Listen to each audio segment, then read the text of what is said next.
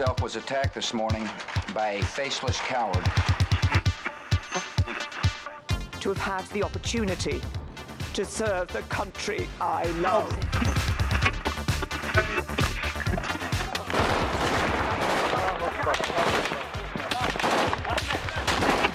Den Einsatz für Frieden und Freiheit in Deutschland, in Europa und in der Welt.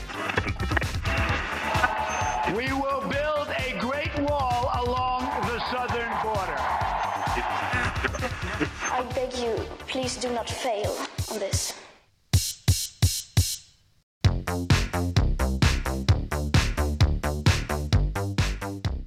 Góðan dag, kæru hlustendur, styrir að hlusta á heimskviður. Ég heiti Guðmundur Björn Þorbjörnsson. Og ég heiti Birta Björnsdóttir. Í heimskviðum er fjallað um það sem gerist ekki á Íslandi.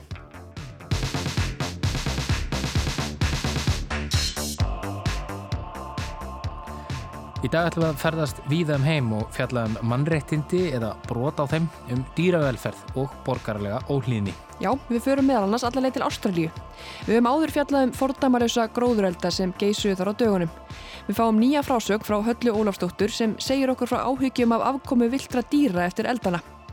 En Guðmundur Björn, þú ætlar að segja okkur frá borgarlega óhlýðni sem nú er farin að dreifast um heimin ekki rétt. Jú, þetta tengist auðvitað þessu máli í Ástralíu sem að, e, já, er nú tengt loftslags breytingum. Ég ætla að fjalla þessum e, samtökin eða reyfinguna Extinction Rebellion sem að notast við borgarlega óhlýðni til þess að hvetja eða knýja stjórnvöld til þess að fara nú að gera eitthvað í sínum málum. Áhugavert, við heyrum nánra því síðar þettinum. Já, en við byrjum á öðrum. Á 15 sekundna fresti meru kynfæri stúlku limlest einhver staðar í heiminum og um 200 miljónir núlifandi stúlkna og hvenna lifa með afleðingum slíkra aðgerða. Umskurður er gjarnan notað fyrir þannan verknað en þau sem til þekkja vilja frekar tala um limlestingu á kynfærum hvenna. Áform eru um að útrýma þessum aldagamla sið en það er ekki auð unnið verkefni.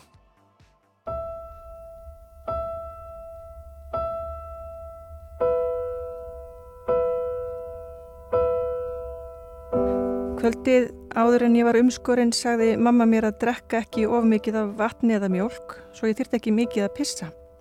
Ég skildi ekki hvað hún átti við en vildi ekki spyrja á margar spurninga svo ég kingaði bara kolli. Ég lá vakandi alla nóttina og spennt til að geta sofið þar til mamma stóð allt í nefið mér. Það var endimt úti, þetta var rétt fyrir dagræningu. Núna veit ég hvers vegna þetta er gert svona snemma á mótnana. Það er talið betra að skera stúlkurnar áður en allir hinn er vakna svo að enginn heyri öskrin í þeim.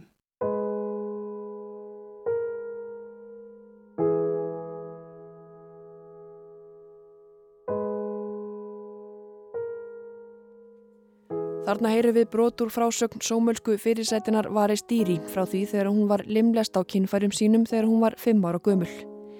Dýri segir sögu sína í bókinni Eðimerkublómið sem kom út árið 1998 og í íslenskri þýðingu höllu Sveristóttur árið 2001. Það er því nokkuð síðan Dýri var limlest á kynfærum sínum. En það er ekki þar með sagt að þessi rótgróni siður úr sögunni.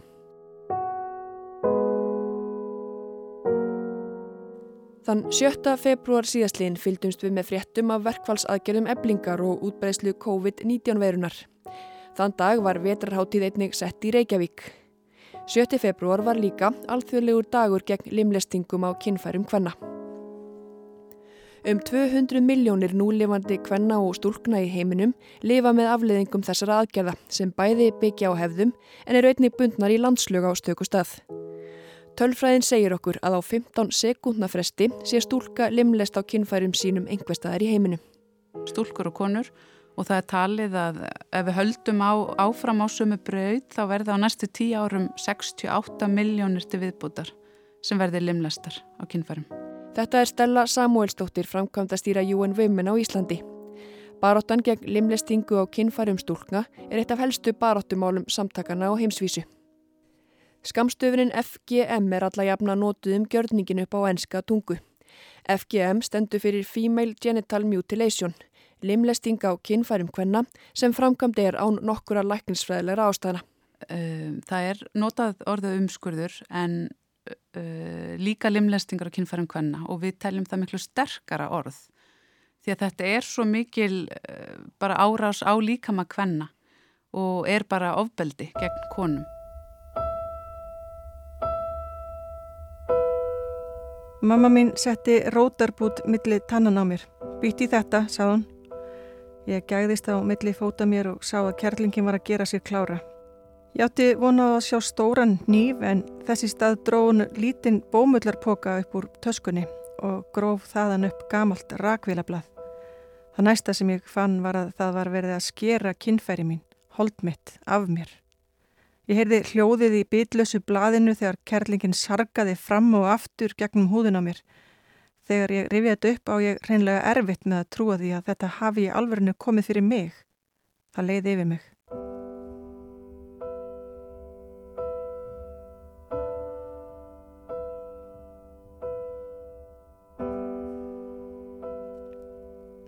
Þegar ég rankaði við mér held ég fyrst að nú væri þessu lokið, en það versta var rétt að byrja.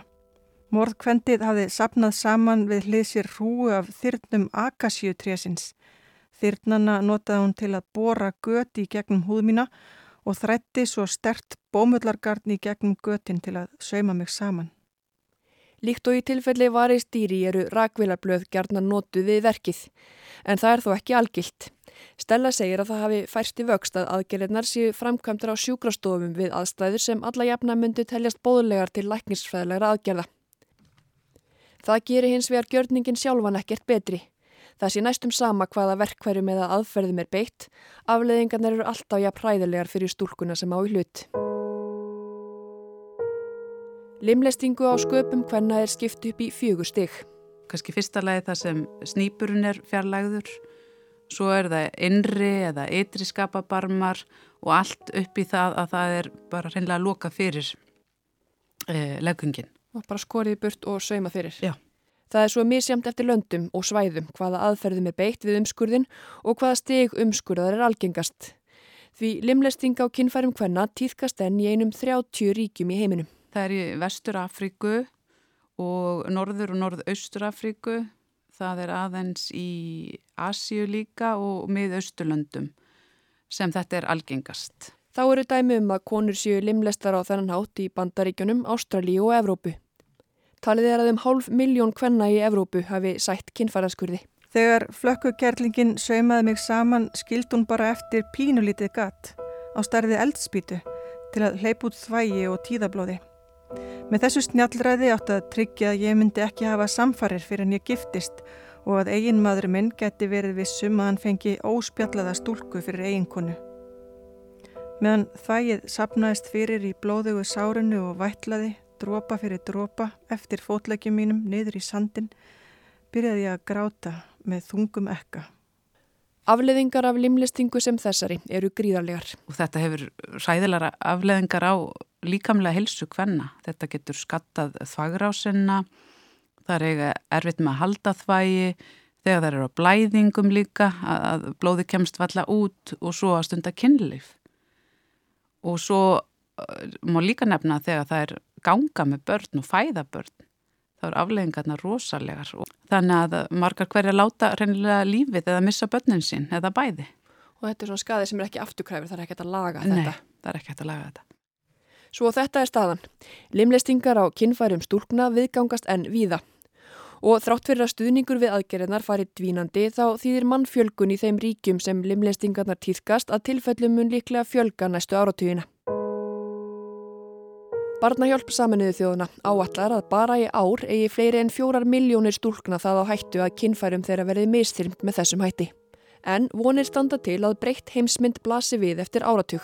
Fyrir árið 2030 ætlum við að hafa útrýmt þessum skadlega siði. Markmiðið er eitt af heimsmarkmiðum saminuðu þjóðuna um sjálfbara þróun. Þau eru 17 talsins og áallunin er að ná þeim fyrir árið 2030. Fymta heimsmarkmiðið á þeim lista hveður á um jafnbretti kynjana og þar segir meðal annars. Allir skadlegir síðir eins og barnahjónabönd, snembúin og þvinguð hjónabönd og limlesting kynfara kvenna og stúlkna verðir lagðir niður. En hvaða aðferðum er beitt til að reyna að uppræta limlestingarnar? Það getur verið við ramman reypa draga þegar reyndir að vinda ofan á hefðum sem byggja á aldagamalli hefð. Þetta eru í rauninu síðir sem hafa komið upphauðlega frá Eikeftalandi e, frá því fyrir, e, fyrir kristni, 2014 fyrir krist á tímum faróana. Þannig að þetta er svo langt síðan að, að vinda ofan að þessu tekur tíma líka. Á þetta sér eitthvað róti trúabröðum, skiptir það máli?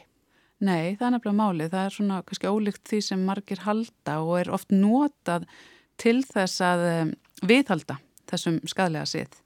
A að segja þetta sé tengt trúabröðum en það er hvergi nokkru trúariti það sem er minnst á e, limlesting og kynfærum hvenna að það sé eitthvað sem eiga að gera. Þannig að það heldur alls ekki að, að svo staðrind að, að, að það setja vísi í trúabröðin. Trúarbröð eru einhverja síður nótuð sem ástæða á nokkrum stöðum. Þó svo trúarleituar fjölmennustu trúabræða heims kvitti ekki upp á mikilvægi umskurðar hvenna, nota einhverjir trúabröð sem ástæður limlestingar á kynfærum. Aðrar ástæður sem gefnar eru fyrir gjörningum eru til dæmis skýrlífi. Að karlmenn geti fullvisa sig um það að konan sem þeir fá að eignast sé óspjölluð.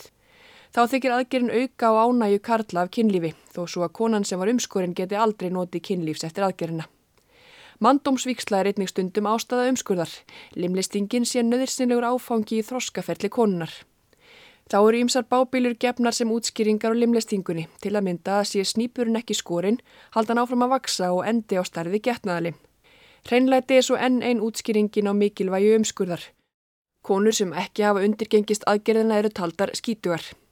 Þá eru umskurður í einhverjum tilfellum talið nöðsynlegur eigi stúlka að eiga möguleika að fá að erfa einhverjar af eigum föður síns. Auk alls þessa er í nokkrum löndum einfallega hægt að vísa í landslögin þar sem limlesting á kynfærum hvenna er einfallega bundin í lög. Það eru að tala um að kannski 80-90% stúlkna eru limlestar kynfærum. Allt frá viku gamlar upp í svona algengasti tímin upp í fimm ára aldur. Stella segir mikilvægt í barátunni að njóta liðsnis aðgerða sinna, þeirra sem þekkja limlestingu og kynfærum af eigin raun. Gott dæmi um slíkan liðsöka sem skilað hefur miklum árangri er Jaha Dúkurei. Fætt og uppalinn í Gambíu var Jaha limlest á kynfærum viku gömul, þriðja styggs umskurði. The age of 15 was when I realized that I went through FGM and what it meant. There are four types of FGM because I went through type 3 which is the total removal of the clitoris, the labia as well as the vagina stitched together so that there's only a small hole to urinate and um, menstruate. which meant that my marriage couldn't be consummated until I was de-infibrillated. That's when I knew that I had gone through FGM and it meant that I couldn't have sex until I was cut back open. Hún var sjálf uh, limlest og kynfærum uh, vikugömmul. Hún var gift uh, þvinguð í barnahjónaband 15 ára gömmul. Þannig að hún er algjörlega lifandi dæmi og lifið með það á hverjum degi afleðingar þess að hafa verið limlest. Jaha var gefin í hjónaband 15 ára en þegar hún eignaðist dóttur sína fann hún hjá sér þörf til að skera upp herur gegn limlestingum hvenna. Henn hefur verið gengið ótrúlega vel og núna er hún að vinna því að ásand mentamálaráðunötu Gambíu að fara um landið og ná til unga fólksins og kennara og svona annara máttarstólpa innan samfélagsins til að hafa áhrif á það að þetta breytist líka í samfélaginu. Baráta Jaha hefur til að mynda skila því að limlestingar á kinnfærum hvenna er nú bannaðar með lögum í heimalandi hennar Gambíu. En sem fyrir segir er erfitt að brjóta upp hefðir sem hafa viðgengist í marga mannsaldra. Og það tekur langan tíma að breyta því. Það, þó að uh, lögunum sé breytt að þá er það sko að ná til fólksins að eh, sína þeim fram á að um, kannski ástæðana fyrir því af hverju þetta er ekki eitthvað sem við stundum lengur. Og það tekur svo langan tíma og í stórum löndum eins og Egiptalandi og fleiri stöðum þá bara er þetta eitthvað sem getur tekið ára tíu eða kynnslóðir. Aðgerðnar eru nær alltaf framkvæmdar með fullum stuðningi fjölskyldna stúlknarna og ef stúlkunar eru sjálfarornar stálpaðar er þar oftar en ekki spenntar fyrir mandómsvíkslunni sem allar konur í kringum þær hafa gengist undir. Sko það eru allir í raun jafn mikil fórnalömb í þessum aðstæðum. Það er ekki hægt að benda á einhvern og, og segja að konurna sem framkvama aðgerðirnar eða karlmennir sem fara fram á þessu gerðar því að þetta er allt sprottið af sama meiði út frá samfélagslegum og félagslegum menningarlegum þáttum. Hluti af starfi hjálpastofnuna er að styðja við aðgerða sinna því starf þeirra getur verið erfitt. Eins og Jaha Dukurei lýsir sjálf þegar hún byrjaði að segja sína sögu, fekk hún mikla gaggrinni heima fyrir. Kastljósið beindist að föðurinnar sem að gaggrindur fyrir baróttu dóttu sinnar. Þú ert í þessari baróttu og þú ert oft útilóku líka fjölskylduðinni. Því þú ert að tala um eitthvað sem er ótrúlega mikið tabu og enginn talar um. Og sérstaklega það sem ríkir mikið ójabrætti líka, sem kona að koma fram og segja við pappaðina þú hafi gert eitthvað rá. Limlestingar á kynfærum hvenna eru einnig hluti af stærra vandamáli. Þetta er náttúrulega eh, nátengt eh, stöðu hvenna og kannski ójabrettinu sem ríkir í heiminn milli kynjana. Eh, þetta tengtist hreinleika hvenna. Stundum tala um þetta að konur sem ekki hefði verið umskortnar, konur sem ekki hefði verið limlestar kynfærum, þær getur til dæmis ekki eignast börn. Þannig að það er alls konar svona sögur sem gangum þetta sem byggja á veikum, veikum grunni en hafa gengið mann fram á manni og, um, og til þess að styrkja þennan stið. Þó enn sé langt í land þokast árangur í baratunni gegn aðgjörðunum í rétta átt. Þróunin er að draga úr, það er alveg klárt og mörg lönd sem hafa bætt sig vel í því að, að breyta lögum og þess aftar en það er samt ennþá, þetta er mjög stóra tölur og konun að lifa með afleðingum þessa gjörnings allt sett líf, bæði líkamlega og andlega. Og þykki fólki fyrrnemdar lýsingar einar og sér ekki nógu mikil kvati til að bjarga stúlkum undan þessari áþjón, þá má draga fram annars konar fórnarkostnað. Eh, samfjölu heims verða af miklu, það er ekki bara út frá mannréttundum sem skipta öllu máli samt eh, og, hérna, og helsu og helbriði hvenna Við erum að tala um sko fjárhagslega, kostar þetta heiminn 1,4 miljardi dollara á ári. Það eru á annað 100 miljardar íslenska króna sem limlistingar á kinnfærum hvenna kosta heiminn ár hvert. Upphæðin er meðal annars reiknuð frá heilsutabi hvenna sem margar detta út af vinnumarkaði eða einfallega láta lífið eftir aðgerðnar. Fjárhagslegt tap heimsins er þó líklega ekki efst í huga stúlkna og hvenna sem takast á við lífið með sundur skórin og samansauðmuð kinnfæri. Þeim er líklega meira í mun að hefðunum sé breytt mannúðarinnar vegna.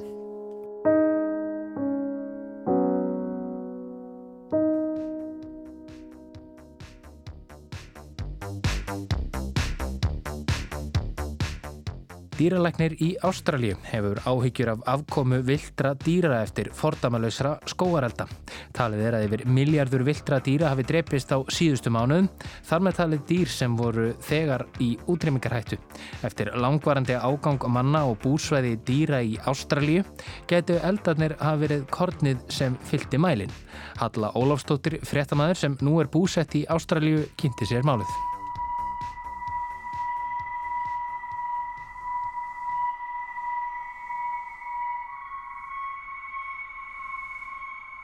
Það sígur á sumarið. Februar er síðasti sumarmánuður Ástrala. Gróður og skóareldarnir hér í Ástralju hafa nú logað í meirinn fimm mánuði. Mis mikið eftir veður og vindum en alltaf þó einhver staðar.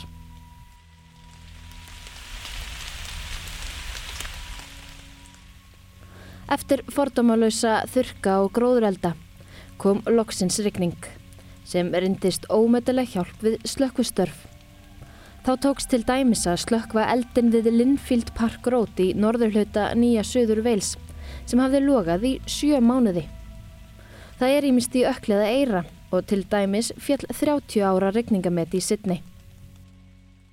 Þótt eldar logi en á nokkrum stöðum sunnalega í Nýja Suður Veils þá hefur nú loksins tekist að ná stjórn á þeim öllum eins og Rob Rogers hjá dreifbílislökkuliði Nýja Suður Veils greinir hér frá. All fires are now contained in New South Wales, which is great news. Not all fires are out, there's still some fire activity in the far south of the state, but all fires are contained so we can really focus on helping people rebuild.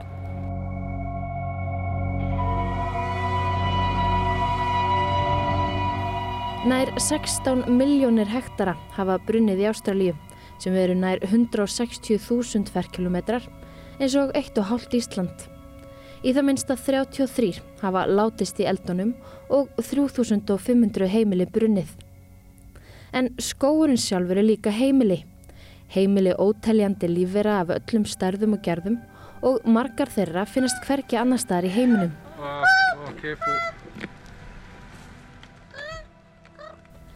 Þetta eru sársöka veini í kóalabirni. Það logar allt í kringum hann og hann hefur brent sig.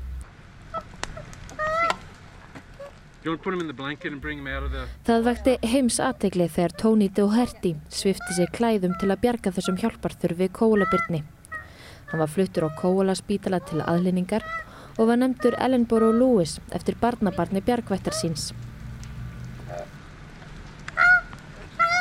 Ellenborough Lewis lifiði brunan ekki af, en örlugans beindu sjónum fólks að þeim fjölda dýra sem hefur drepist eða tapað búsvæðum sínum í eldunum.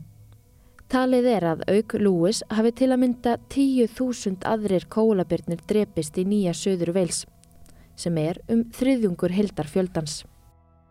Það hefur verið áætlað að yfir miljardur dýra hafi drepist í Ástralíu í eldunum. Þessi tala er komin frá Chris Dickman, umhverfisfræðingi við Sydney Háskóla. This really is unprecedented, I think. There's nothing quite compare with the uh, with the devastation that's that's going on over such a large area so quickly. It, it's a monstrous event in terms of geography and numbers of uh, individual animals affected. Hér er Dickmann í viðtali við bandaríska útvarstöð. Hann segir eigðilegginguna og áhrifin á dýralífið fordamalus. Hann áallar að yfir miljardur dýra hafi drepist og hefur reknað á út frá skýslu sem var unnin fyrir nokkrum árum til að meta áhrif skóareiðingar á dýralífi nýja söður veils. Í henni var stöðst við viðkendar áallanir um hversu þjætt spendir, fugglar og skriðdir búa.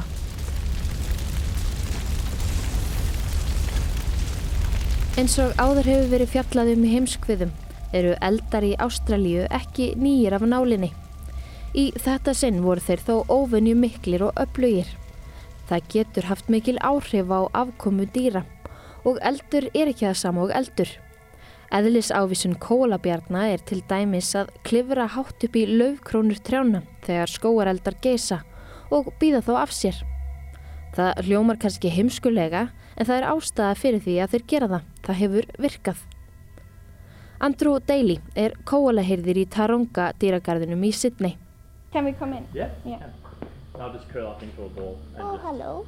ride it out. So there's Their response to things that frighten them is normally just to climb higher in the tree because most of the time um, that makes them safe. So unfortunately Í smærri eldum brenn ekki endilega löfkrónur trjána, heldur aðalega skóurbotnin.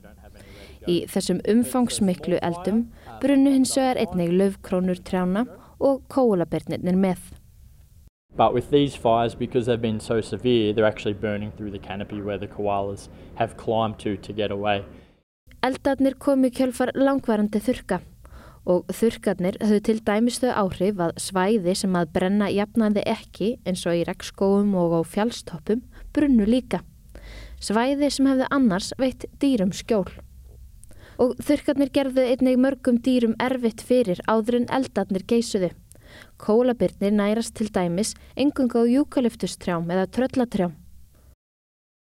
So with the drought, the trees that koalas feed on are taking up less water in their roots, which means the leaves they're producing are also drier. So koalas Trén taka nú upp minna vatnin í vennilegu árferði sem skila sér í minna vatni í laufum trjána og því fá kólabirnir ekki nægilegt vatn úr fæðunni. Koalas will come down to the ground uh, to drink from puddles or ponds or streams. Um, it's kind of rare to see that behaviour, but it is normal koala behaviour if they're low on water. But with the drought, we're seeing that more and more. Mm-hmm. Uh, a koala on the ground is very vulnerable, so if it has to come to the ground to get water, that makes it vulnerable to uh, things like cats or foxes. Uh, Kólabirnir eru því farnar að fara oftar niður úr trjánum til að finna vatn og niður á jörðinni eru þeir berskjaldaðri en annars. Bæði kakvart ágengum dýrategundum eins og köttum og refum en líka kakvart tillitækjum mannsins á vegunum. En hann slapp vel, þyrsti kólabjörnin sem að álpaðast út á göti í grein við atileit í lók desember.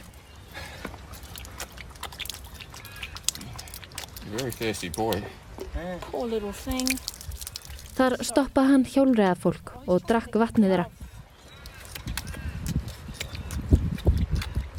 Like I haven't either. We've seen plenty of them. Úr sjö brúsum áður en þau komu honum að veginum aftur.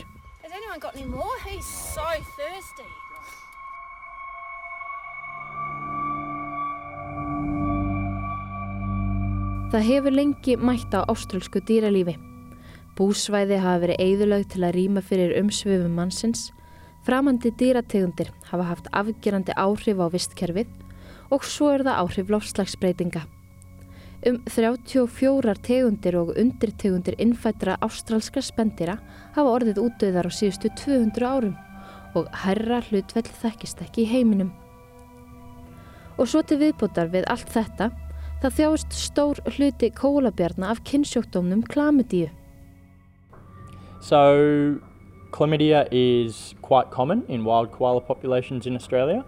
Uh, the males can carry it, but they're unaffected. They don't show any symptoms, but unfortunately, they do spread it uh, to females. So, in females, uh, it can cause uh, other diseases like conjunctivitis. Um, so, that's very common eye issues, but it can also uh, make them sterile, so they can no longer reproduce. Andrew útskýrir að karldýrin geta borið klamidíusmitt en að þeir fá ekki enginni, en kvendýrin verða veik. Sjúkdómurinn getur bæði farið í augun á þeim og haft áhrif á sjónina, en einnig gert þær ófrjóar. Þá geta ákvæmi smitast af klamidíu þegar þau geta skýt móður sinnar, sem þau gera þegar þau eru nokkura mánaða gömul.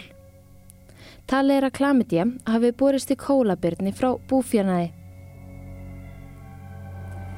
Eitt af hlutverkum Andrús kóalahyrðis í Taronga dýragarðinum er að líti eftir 12 viltum kólabjörnum sem var forðað úr þjóðgarði í bláfjöllum Ástralíu þegar eldar stemdu á henginni þeirra fyrir nokkrum mánuðum. Þeir eru óvinnu hraustir og til dæmis meðal fára sem eru ekki með klamedíu. This population was really, really healthy. So with the bushfires approaching their habitat, it was really important that these koalas in particular were removed. Nokkrum vikum eftir að kólabyrnir voru fluttir í dýragarðin brunnu heimkynni þeirra. Þeir fá að fara aftur heim þegar skóurinn hefur náð sér á stryk og þar með tryggt að þeir hafi nóg að geta. How old is this one? Uh, it's probably about 11, 12 months, maybe a little bit younger.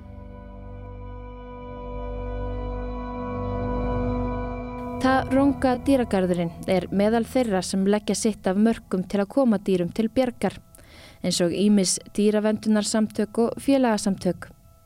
En eins og með slökkvilismennina sem berjast fyrir skóareldana í Ástralíu eru margir þeirra sem koma dýrum til björgar sjálfbúðarlegar.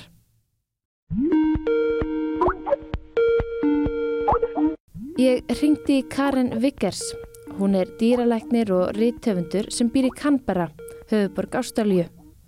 Kambara er nokkur hundruð kílometra söðvestan við Sydney og skamt frá söðurluta nýja söður Veils þar sem miklir eldar loguðum áramótin. Karen er einn þeirra sem vildu leggja sitt af mörgum. I wanted to see what I could do uh, to try and help people on the ground. Um, the the immediate I didn't get involved in the first two weeks after the fires, which is when you have a lot of really burnt animals um, that really need to be shot. I mean, for humane reasons. Um, but when I came in, Karen kom á vettvang tveimur vikum eftir að eldarnir fóru um. Hún segir að þessar fyrstu tvær vikur séu mörg dýr skotin til að lina þjáningar þeirra. Hún aðstóðaði sjálfbúðaliða við umönnun og hjálpaði fólki að meta bata brunnina dýra og síkingar í brunasárum. Hvort dýrin ættu möguleika á að spjara sig eftir í náttúrunni eða hvort þeirra byði langverandi þjáning og því betra að aflífa þau. To help them um, look at the animals two weeks after the fires, which is when infection can start to set in with burns, and help them to know which animals were likely to make it and which weren't, so that, so that those animals that were going to have long um, suffering journeys of starvation and, and inability to move around, so they could be euthanized and not have to continue suffering.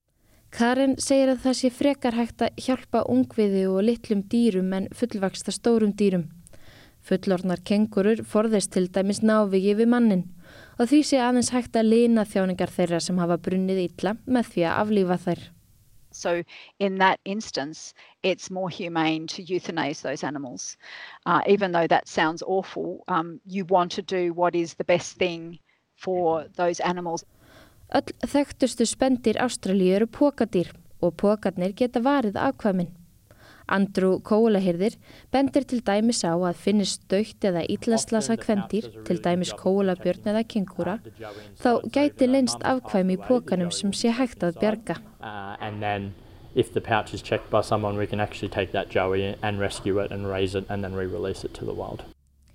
Um allan heim finnur fólk til með ástölsku dýrunum sem verða fyrir barðinu á skóareldunum.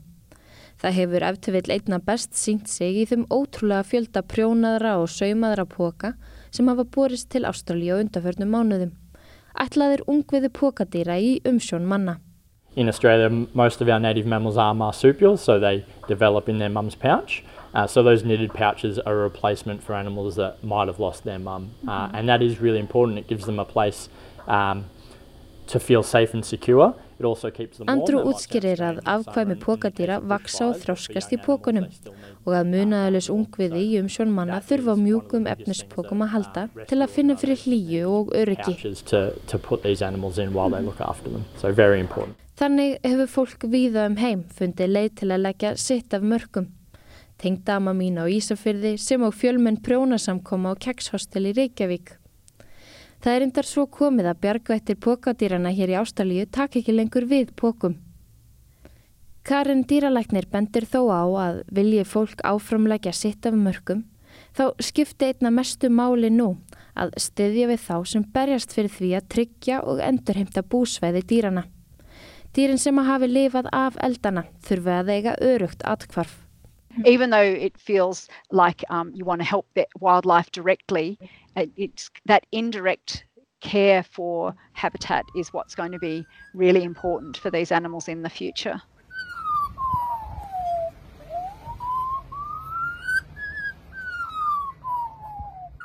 Þetta er skjórað leika brunabíl.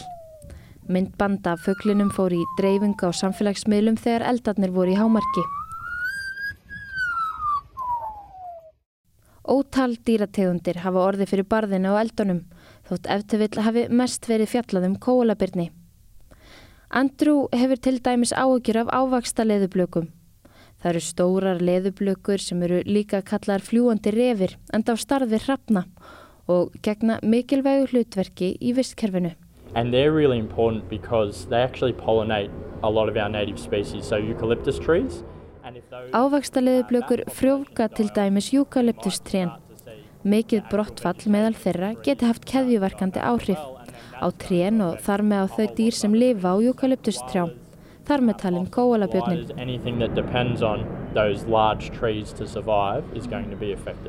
Karin dýralæknir nefnir einnig dýrin sem hafa verið við það að deyja út, til dæmis nokkur lítill pókadýr. Greitir glætir, lítið nætudýr sem heldur sig í eukalyptustrjám. Það líkist að vissuleiti lemur með langt skott, stór augu og stór eiru. Þá nefnir hún long-nosed potteroo, lítið pokadýr sem tilherir fjölskyldu róttu kengura og svo kenguru eigu dönnart sem líkist stóri mús með langt tríni. Karin segir einnig ástæði til að hafa ágjör af glossy black cockatoo, stórum svörtum páfagögg í útrymmingarhættu. there's several endangered species that could be pushed right over the brink um, into terminal decline by these fires. But you know, you have to remember that's on top of human exploitation of the landscape through logging and other things for so many years. These fires are just going to be the straw that breaks the camel's back, unfortunately. Karin segir að mörgum dýrategundum hafi verið ítt út á istu nöf í þessum eldum og hafa beri í huga að þessi til viðbótar við ágang mannsins á búsvæði þeirra. til dæmis með skóarhæki til margra ára.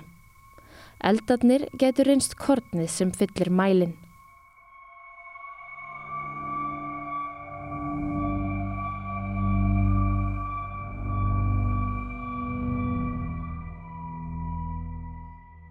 Framundan er tími enduníennar og bata. Karin Vickers, dýralæknir í Kampera, tilur að náttúra ná sér fljótt aftur á stryk. Sérstaklega láti maðurinn hann í friði æði til dæmis ekki af stað með skóurhögg. A lot of the, the, the landscape will regenerate given time um, if we don't go in there and mess it up by cutting trees down, removing fallen logs and all those sorts of things. Um, the, the landscape will recover unless humans make a mess of it. Almenningur hefur lagt til mikið fétt til dýra atkvarfa, dýra spítala og dýravendunar samtaka. Til dæmis ætlaði einn helsti kólaspítali Ástralju, kólaspítalin í Port Macquarie, þángar sem Ellenborough Lewis var fluttur, að sapna 25.000 dólarum eða rúmum 2 miljónum íslenskra króna til að bregðast við áhrifum eldana. Nú nokkrum mánuðum síðar hefur spítalinn sapnað 7,5 miljón ástralskra dólara sem eru um 640 miljónir króna. Dýravendunarsamtaka og þeirra sem hyggjast sinna dýrunum sem hafa lifað eldana af býður mikilvægt verkefni. Þótt eldarnir séu að mestuleiti sloknaðir þá berjast dýrin í bökkum. Hér er Andrew aftur í Taronga dýragarðinum. Nature can be quite resilient when it's one or two threats, um, but with such a loss of habitat and food and, and numbers of species, other things are going to real, potentially really affect the animals now. So things like introduced predators, um, in Australia that means cats and foxes. Fæða margra dýrategunda hefur brunnið og á brunninni jörð eru þau berskjölduð, til dæmis fyrir ágengum dýrategundum eins og refum og köttum. Really careful and really mindful of what is happening there because um, all our species are more vulnerable in the aftermath.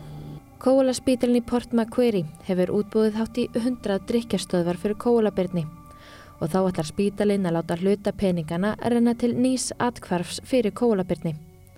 Sum samtök hafa greipið til þess ráðs að dreifa mat. Karin dýralæknir bendur þó á að matur úr mannana höndum geti verið vand með farin laust.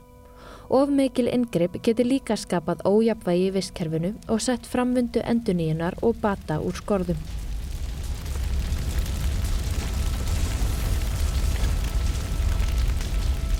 Það rignir á ný. Rigningin er nöðsynleg fyrir endun í skóana. En þótt náttúrun sér seg, spyr Karan sig hvernig hún komið til með að ráða við tíða elda eins og þá sem hafa geisað síðustu mánuði. Eins og fram hefur komið í fyrri umföllun heimskviðina um skóareldan í Ástralju, þá varpar aðgerðaleysi stjórnvalda í lofslagsmálum ekki ljósi á hug íbúa landsins. Karin segir það liggja fyrir að áhrifa lofslagsbreytinga gæti nú þegar en að nú rýði á að grípa til aðgerða, setja press á stjórnvöld bæði heima fyrir og frá alþjóðarsamfélaginu til að dragur útblæstri gróðrúsalöftegunda og dragur áhrifum þeirra á skóa og dýralíf til framtíðar. repeated burns and this is you know we've already got a certain degree of climate change locked in but this is why we urgently need to take action to try and, and reduce emissions so that we can can minimise those future impacts on the forest and on the wildlife.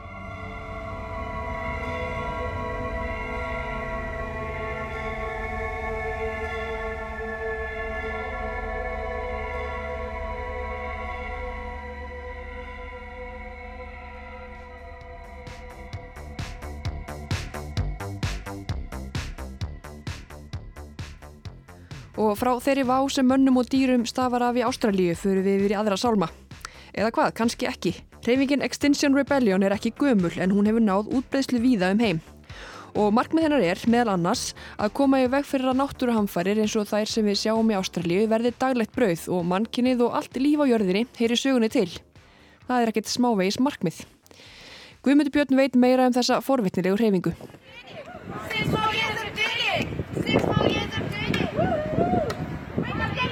Í Cambridge á Englandi, nánar tiltikið á grasbalanum fyrir framann hinn virta Trinity College sem hefur frá 16. öld komið mörgu stórmenninu til menta, komið nýverið saman hópur fólks á öllum aldri. Að þér verðist til að stunda einhvers konar jarðrækt.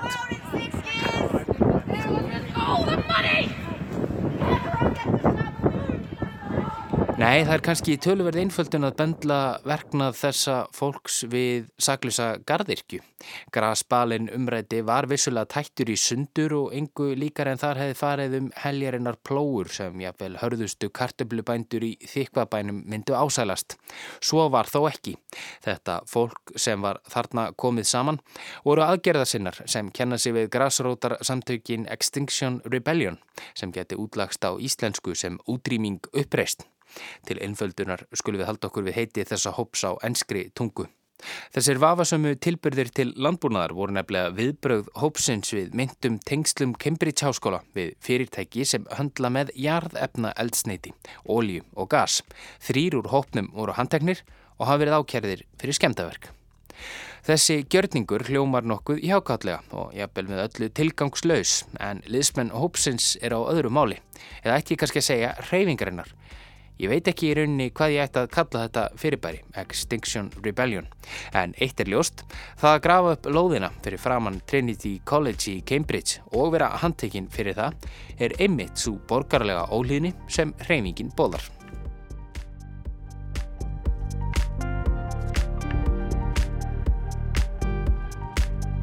Þótt ótrúlegt megi virðast er ekki liðin tvö ár síðan Extinction Rebellion reyfingin, já við skulum bara kalla þetta reyfingu, kom fram á sjónasvið.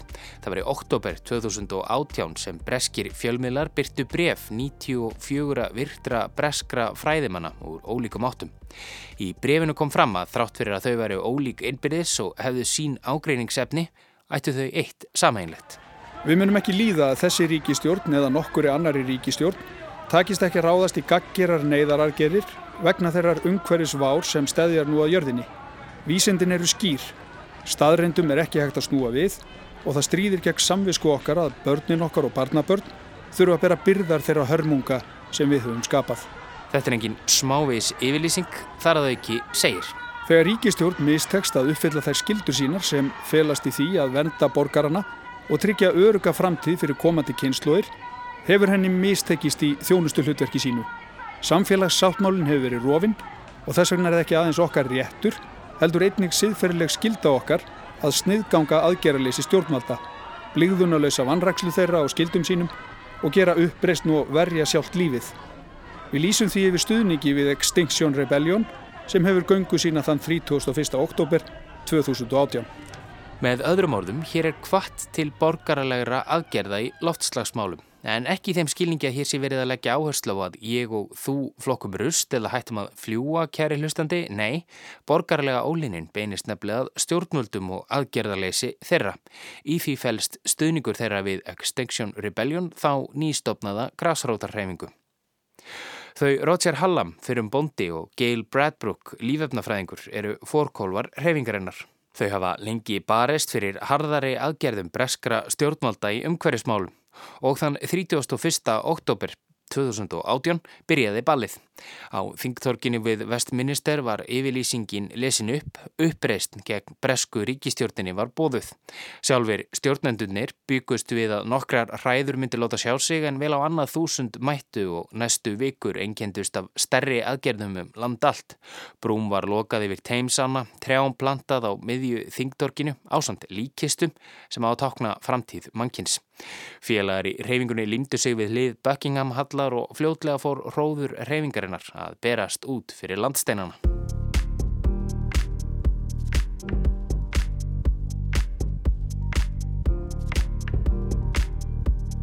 En hver er hugmyndafræði reyfingarinnar og hverju á þessi borgarlega ólíðinni að skila? Á vefsíðu hennar eru þrjú atriði útlistuð öðrum fremur sem reyfingin vil ná fram.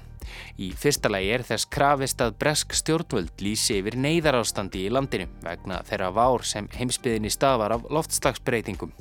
Í öðru lagi er þess krafist að Breitland nái kólefnis hlutleysi fyrir árið 2025 og í þriðja lagi er þess krafist að svo kallar borgarráð verði sett á lagirnar sem eigi að tryggja þessar breytingar eigi sér stað. Þessar kröfur reyfingarinnar verða að tæljast nokkuð metnaðarfullar eða kannski hreint og beint óraunhafar. Það er álitið með öllu ómögulegt að ná kólefnis hlutleysi fyrir árið 2025. Evrópasambandið stefnir til að mynda á að aðildaríki sambandsins nái kólefnis hlutleysi um miðja þessa öld. En það er kannski einmitt í þessum metnaðarfullu markmiðum sem hugmyndafræði reyfingarinnar sínir sig hvað skýrast. Aðgerðir núna, takk, ekki á morgun. Það gömul saga og nýja er að ná ímsu fram með því að setja sér óraunhaf markmið. Manna er kannski ekki alla leið en maður kemst eitthvað áleiðis. Meðlemið reyfingarinnar leggja nefnilega ríka áherslu á að endurinn sé í auksin. Lífið eins og við þekkjum það, endi brátt verði ekki gripið til aðgerða strax. Of all crises means that it's quite possible that all life on earth, 97% of it, is going to go, and possibly in my children's lifetime. Segir Gail Bradbrook, önnur af stopnendum reyfingarinnar. Og einleiðin til þess að koma í vekk fyrir útrýmingu að hennarmati er að nota borgarlega ólíðni til að knýja stjórnmöld til að gera eitthvað. Stjórnmál eins og við þekkjum þau eru nefnilega til fára hluta nýtsamleg að hennarmati. Conventional politics is, is fucked. It's finished. Þessari borgarlegu ólíðni er ætlað að valda glundróða. Meðlimir reyfingarinnar trúa því að með því að stöða samgöngur koma í veg fyrir að daglegt líf gangi eðlilega fyrir sig séu þau að skekja stóðir stjórnmálana og hins staðanaða kerfis og þannig vekja fólk og stjórnvöld til umhugsunar og benninis neyða þau til að bregðast við. The democracy we have right now is essentially deeply flawed, deeply flawed. It is okay for lobbyists who have billions of pounds of money to spend on these issues to be constantly in government pushing for their agendas, which is generally to do with self-interest and, and, and money making, Það líðræði sem við búum við núna er stórlega gallað, segir Geil, og því er liðsmunum reyfingarinnar í raun slett sama hvort þeir séu handteknir. Í raun er það gott að þeirra mati þar sem þá fylla þau fangaklefa frjótt og lauruglan þarf að hleypa þeim út aftur og þannig endur tekur þetta sig aftur og aftur. Að mati Gail Bradbrook eru loftslagsbreytingar og svo ókn sem öllu lífi á jörðinni stafar af henni þannig tilvistarlegur vandi. Önnur vandamál, okkar daglega streð, brimrótið, svo kallaða og blessaða Brexit blikna í samanburði við þessa vá. I think it's a deeply toxic system. It's got this machinery based on the idea that we have to have constant economic growth. And you can't have constant economic growth on a finite planet. I mean, Brexit is an irrelevance when you look at the climate and ecological crisis. Í Breitlandi naut reyfingin strax mikill að vinsalda og eru aðgerðir meðlema hennar þar orðnar nánast ótæljandi. Garðirkju tilraunin við Cambridge er aðeins eitt dæmið af ansi mörgum og allar eiga þeir það sameinlegt að trubla daglegt líf, stöða samgöngur og þess áttar. Í oktober á síðast ári bóðaði reyfingin svo alþjóðlega uppreist í yfir 60 borgum á heimsvísu.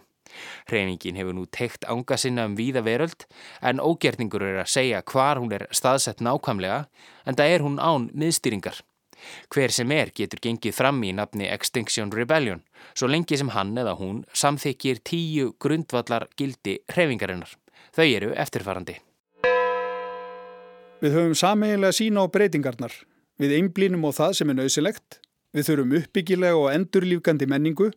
Við augrum okkur sjálfum og því eitraða kerfi sem við búum við. Við erum ofinn fyrir því að vaksa og læra. Við bjóðum alla velkomna.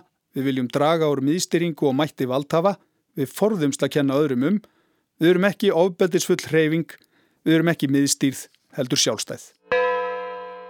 Gott og vel, en hverju skilar þetta allt saman? Við höfum séð á Íslandi á síðasta áratug og síðustu vikum að mótmæli skila stundum einhverju. Extinction Rebellion ganga þó skrefinu lengra en að standa með spjöld og hrópa slagorð. Það eru verkin bókstaflega, látum tala. Fyrir þetta hefur reyfingin fengið sinn skerf af gaggrinni. Það eru nefnileg ekki allir tilbúinir að láta handtaka sig þótt þeir beri von í brjóstu um betri heim. Fyrir minnulutahópa eins og svarta og fólk af asísku bergi brotið sé mikill fælingamáttur fólkin í því. Bent hefur verið á að oftar en ekki fái minnulutahópar ekki sömu silki hanska meðferð og kvítir í Breitlandi þegar þeir komast í kastuði lögin. En hvað sem því líður ætti flestum að vera ljóst að mannkynnið stendur frammi fyrir mikilli áskorun. Vísindin tala sínu máli, hýtast í eða jörðinni hækkar ár frá ári og verði ekki tekið nægilega fast í taumana á næstu árum, er voðin vís. Alveg sama hvort ég flokka rusli mitt eða ekki. The question is not what needs to happen and what the problems are. The question is how do things change?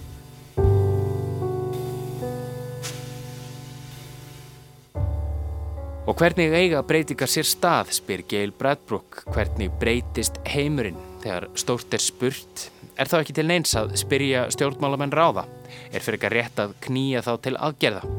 Ég hef ekki svarið við því en sagan segir okkur að það virkar stundum, en ekki alltaf. Því miður eru þá oftar en ekki aðrir hagsmunir sem ráða för, oft eigin hagsmunir og svo auðvitað blessuð atkvæðin. En váin er sannarlega tilbystarleg og meðlimir Extinction Rebellion veriðast vilja ná beintin í hjarta mannsins og fá hann til að skilja að núverandi samfélagsskipan og siðmenning er að þrótum komin. Sjálft lífið er undir og framtíð þeirra sem byggja jörðina. Og hvort Baráta Extinction Rebellion kemur til með að skila einhverju eða hvort þessi reyfing deyr drottni sínum og hættir að láta verkinn tala á eftir að koma í ljós. Hún er jú slíta. En það eru einmitt oft börnin sem þóra að benda og bleika fílinn í herberginu. This civilization's finished. It's finished, you know, whether you like it or not. If we have three years of really bad El Nino weather events, the food systems are fucked and we'll be fighting over cans of beans. We really are at a crossroads. What we choose to do today is the difference between life and death on earth. We've got to make something more beautiful and more connected and more local. Lives are short, lives start and they end, and you've got to do something wild and amazing with that time. Grief is the price we pay for love, and from love comes courage. And that's when you say, I've had enough of this, and that's when you get on the streets.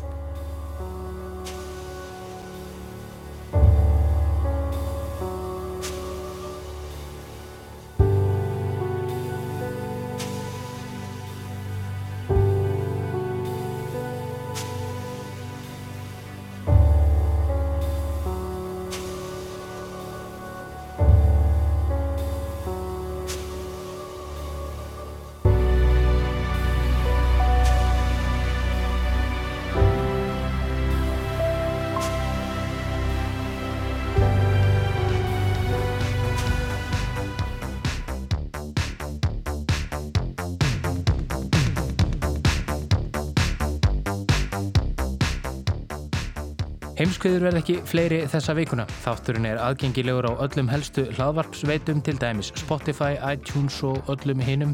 Og við minnum á að það er hægt að gerast áskrifandi á þáttunum á hlaðvarpsveitunum öllum. Þá koma nýjar heimskviður í snjáltæki þitt vikulega án fyrirhafnar. Þess á milli er svo hægt að lesa ítarlegar fréttaskýningar um öll efni þáttarinsinni á webnum okkar roof.is. En við þökkum þeim sem hlýtu og heyrumst í næstu viku.